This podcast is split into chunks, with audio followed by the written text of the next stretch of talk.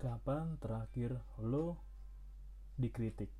Kapan terakhir lo menerima kritik dan kapan terakhir lo diberi masukan? Selamat datang di sini ya low budget, nggak harus mahal untuk nikmatin hidup barengan sama gue, Doni Wijaksono.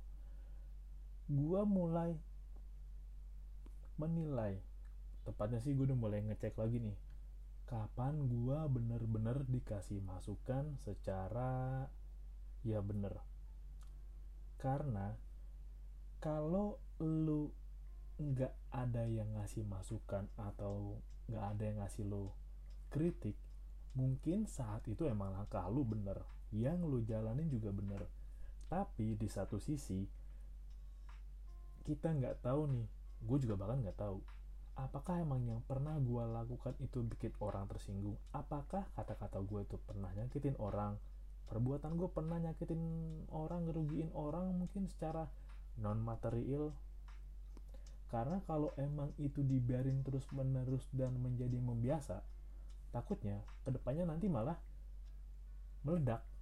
Daripada meledak dengan kesalahan yang gue lakuin tapi lu nggak kasih tahu lu nggak kasih masukan lebih baik lu kasih tau gue di depan aja deh.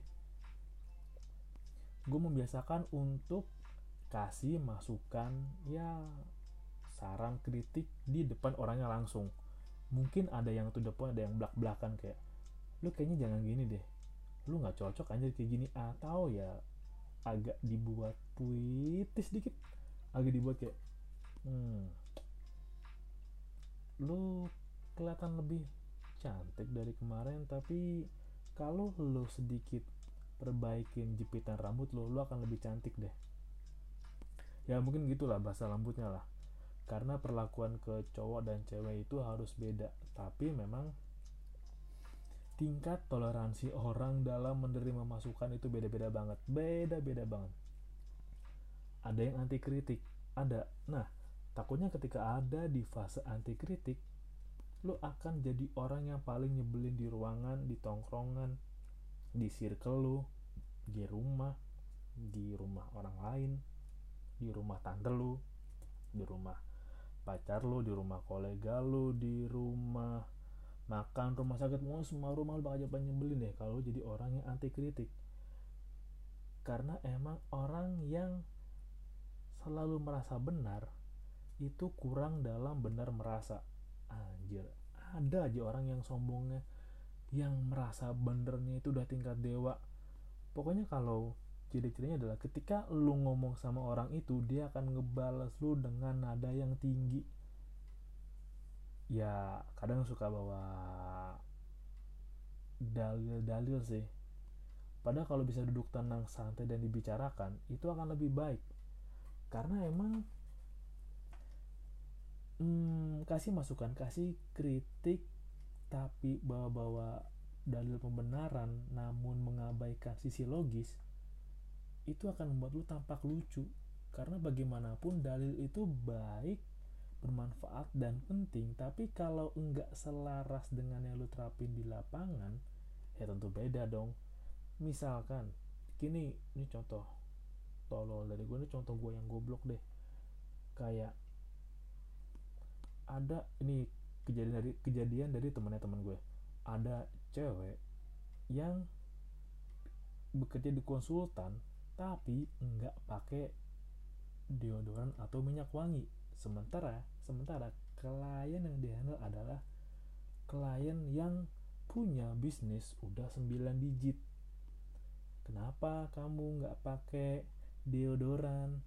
Uh, iya soalnya tuh di aku ngikutin ya ajaran dulu sih zaman dulu belum ada deodoran. Jadi aku nggak ngikutin karena kan zaman dulu belum ada deodoran buat pewangi tapi kan kamu mesti ketemu klien ketemu orang dan kamu nggak ketemu orang yang biasa aja. Kamu bertemu dengan pemilik bisnis dan perusahaan kita bergerak untuk mendapatkan klien yang ingin konsultasikan bisnisnya dengan kita. Kalau lu nggak menarik mereka untuk invest uang mereka konsultasi di kita ya nanti karena lo karyawannya ya perusahaan nggak dapat untung untungnya berkurang buat gaji karyawan susah yang nggak kena gaji ya nggak cuma lu doang. Wah panjang banget sih. Tapi emang ini harus ada yang ngejelasin deh ada yang ngejelasin. Bahkan sampai ke tingkat gini ada orang yang nggak bisa dikritik karena udah terlanjur malu dan marah dan berbuat hal tolol iya bener sih. Kalau lu lagi marah lu tuh lebih gampang untuk berbuat hal tolol. Kita ambil contoh. Misalkan lu marah nih. Oh lu marah wah. Misalkan lu lagi di restoran anggap aja lagi di KFC atau McD lu nggak terima karena antrean lu diselak sama ibu-ibu. Wah ini gimana yang duluan sih saya udah ngantri lama bla bla bla. Ah, ada lu mukul dak lu mukul mesin kasirnya. Ada loh orang yang nggak bisa nahan amarahnya. Nggak bisa nahan ada orang yang nggak bisa nahan. Emang lu saking emosi de, emosi gitu debat karena bla bla bla lu kesel lu tonjok itu mesin kasir sebenarnya lu sakit nahan sakit asli. Kalau lu bukan atlet belum beratlet lu nggak pakai pelindung tangan dan lu nggak ahli tenaga dalam lu mukul mesin kasir lu bakal sakit banget. Tapi karena udah kadung malu udah karena terlanjur malu lu tahan rasa sakit lu sampai pura-pura eh nahan emosi gitu kayak nahan emosi padahal anjing tangan gue sakit gue udah mulai bengkak nih. Sementara tangan lu yang bengkak itu nggak bisa dibohongin penampakannya pasti kan lu kelihatan tolol di situ. Udah lu kelihatan tolol lu mukul mesin tangan lu sakit. Kalau mesinnya rusak lu mesti ganti rugi. Ada rekaman CCTV nama baik lu kena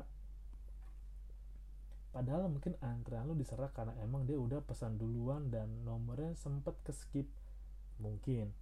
Tapi karena lebih baik saya mementingkan ego daripada saya menerima masukan saya siap terima resikonya. Resiko untuk tampil bodoh ketika lo berbuat salah itu sangat mahal. Contoh ya orang yang udah punya nama siapa ya? Kalau Rahel V nya itu masih ya bisa lo perdebatin lah. Siapa ya? Gue mikir beberapa nama sih ada sih. Tapi itu harus apple to apple dengan penyebar yang gue contoh. Tapi lu bisa kan nangkep kan maksudnya kayak ketika lu lagi marah emosi lu nggak bisa ngendaliin kemungkinan lu untuk berbuat tolong lebih besar. Begitupun juga ketika lu dikritik ketika lo dikritik lo nggak bisa nerima kritikan dan lo kesel karena lo merasa orang yang ngeritik lo nggak lebih baik dari lo lo lebih rentan berbuat hal tolol. Kayak ngapain lo kritik gue emang siapa lo? Emang hidup lo udah lebih baik dari gue. Sering terjadi memang. Dan kadang gue juga suka gitu sih kayak gue dikritik tapi kan gue lihat lagi gue punya pilihan. Ketika lo dikasih kritik atau masukan lu punya dua pilihan kan? Lo mau ambil dengerin dan ambil atau dengerin dan nggak ambil. Lu lebih sering dengerin ke nggak ambil. Karena di tahapan yang sekarang gue udah mau kepala tiga wow. Lu harus bahkan ada di tahapan di mana lu harus memfilter saran-saran yang mesti lo ambil atau saran yang hanya cuma lo jadiin bahan rujukan. Enggak semua saran mesti lo terima karena lo yang paling tahu hidup lo itu akan ngebantu lo mempermudah hidup dari beberapa masalah tak terduga yang akan muncul di hadapan lo masalah tempat kerja mungkin yang gak enak bisnis yang banyak diserang kanan kiri atau lingkungan rumah yang nyebelin anggota di rumah yang nyebelin. Nah ketika lo bisa nerima kritikan kayak gue gue nggak tahu bahwa gue pingin banget dikritik sama karya gue. Mau yang di siniar mau yang di podcast sama aja mau yang di sini ya mau yang di TikTok Instagram. Gue pengen banget dapet kritik dan masukan karena gue pengen banget bisa lebih bagus lagi apa yang gue kerjain. Dan gue pingin tahu kekurangannya apa dari apa yang gue kerjain kalau misalkan di siniar oh kekurangannya kurang gede kalau di suara deh di Spotify normal tapi di noise kecil nah itu gue nggak tahu kenapa. Misalkan gitu kan oke okay lah gue coba gedein suaranya di dua platform biar suaranya kedengeran. Itu kan masuk akal. Tapi kalau hanya kritik kayak emang orang-orang itu emang kadang bangsat sih lebih seneng ngasih kritik tapi tuh gantung kayak ya misalkan ada lu liat uh, uh, uh, misalkan ya kemarin tuh ada yang artis anak bajak bayinya anak jet ski kan kayak lah orang tua nggak becus. Masa anak bayi bajak jet ski? Udah. Gak ada taman kayak harusnya kan kalau mana jet ski kan misalkan pakein baju Iron Man dulu atau misalkan masukin pakein baju armored Batman-nya dulu. Atau misalkan ayo hubungi SpongeBob dan teman-temannya biar nanti bisa ketemu jumpa face dengan mereka hubungi Dory biar bisa ketemu Dory sama Nemo. Kan hanya sampai di ngatain. Iya cuma sampai dia ngatain aja udah ya nggak ada lanjutan gimana kayak ah, goblok nah. Mungkin kebiasaan juga kali ya kalau gue ada di tahap yang gue bisa misahin seorang dengan karyanya udah bisa gue pisahin nih. Kalau masih kita kan kayak kemarin hmm, waktu tretan muslim bang tretan aja yang bebeknya diserang. Kok oke itu sempat salah paham tapi yang diserang bebeknya? Maksud, warung bebek tidak apa tidak bukan nasionalis tidak ya pokoknya gitu lah gue lupa kata-katanya gimana. Maksudnya diserang warung bebek ya tolonglah gitu nggak nyambung gitu. Mungkin emang ada fase di mana lu akan sulit menerima kritik dan masukan. Gue juga pernah ada di fase itu. Dan memang gue suka bahas berkali-kali lu pasti akan bosan dengerin bahwa ya kalau lagi muda young wild and free apa itu masukan? Aku tidak perlu masukan. Aku perlu uang. Aku perlu jalan-jalan dan liburan iya ya emang emang ada fase gitu tapi udah bisa ngerti lah paham lah. Emang bocah begitu. Tapi kalau dari bocah aja udah punya rasa ingin mengembangkan diri yang bagus beh lu bayangin kayak ada dua anak sama-sama 19 tahun yang satu enggan dikritik pengennya yolo malas terima saran masa dirinya benar lingkungan yang salah apa namanya circle-nya yang salah kampusnya yang salah nomor kerja yang salah. Ada satu yang lu bisa kasih tau gue nggak bro? Gue kurangnya di mana sih kalau lagi kayak gini? Lo kasih tau gue dong lu coba nilai gue deh. Karena emang untuk menilai diri sendiri lu perlu bantuan orang lain. Kecuali lu bisa jurus kaki bunshin no jutsu atau lu kembar atau lu bisa bikin hologram.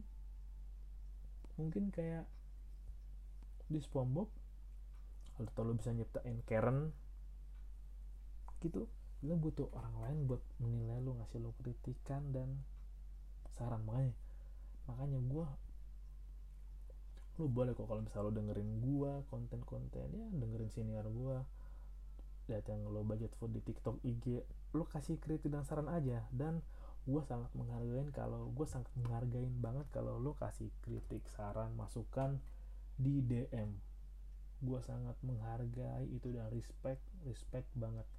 Karena sebaik-baiknya kritikan dan saran lebih bagus memang disampaikan secara personal dan one on one jadi kayak nggak ada orang yang tahu hanya lo dan dia.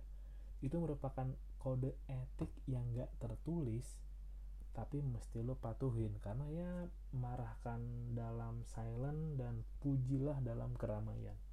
Itu istilah yang udah biasa sih.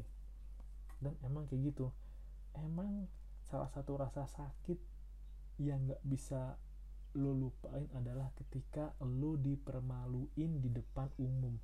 Itu sakitnya lama traumanya lama kadang dendam juga. Nah hal kayak gitu tuh. Makanya kalau lo mau kritik ke orang kasih saran ke orang kenalin dulu orangnya gimana. Terima kritik nggak? Welcome nggak sama saran? Mau dikasih masukan nggak terus jelas nggak kalau emang mau improvisasi diri kalau emang orangnya mau mengembangkan diri mau benerin dirinya lah benerin dagangannya lah benerin lapaknya lah benerin karyanya lah YouTube-nya lah apalah. Bagus lu bisa kasih masukan. Tapi kalau orangnya bebel sulit merasa dirinya benar merasa dirinya seperti ensiklopedia berjalan merasa dirinya seperti penjelmaan akun Google versi manusia ya udahlah lu nggak usah dengerin. Kayak kalau kata bang Coki sih ya daripada ditunggu berubah tunggu matinya aja lah. Ya meskipun emang udah mati duluan secara jiwa dan semangat seenggaknya ya nanti juga akan ngalamin. Apa ya? Meninggalkan dunia tapi secara fisik bahwa ya sedikit informasi lebih bahwa semakin ada beberapa ya lu bisa temuin lah di keramaian di hari-hari biasa hari kerja pagi. Banyak yang udah mulai meninggal di usia muda secara jiwa tapi tubuhnya terjebak secara raga. Jadi kayak pikirannya udah mati tapi raganya masih hidup. Nggak punya semangat. Semangatnya kalau weekend doang sama gajian sama bonus sama beberapa hari libur yang sedikit lumayan panjang dan mereka seperti zombie. Gue nggak mau lu kayak zombie. Gue juga nggak mau jadi zombie. Udah nggak bisa makan yang enak jalannya lama nggak bisa mandi. Tulang-tulang mukanya bopeng be. Gak enak banget dilihat. Dan terima kasih udah dengerin siniar lo budget dan tetap jaga kesehatan ya. Kalau di tempat umum bawa hand sanitizer lah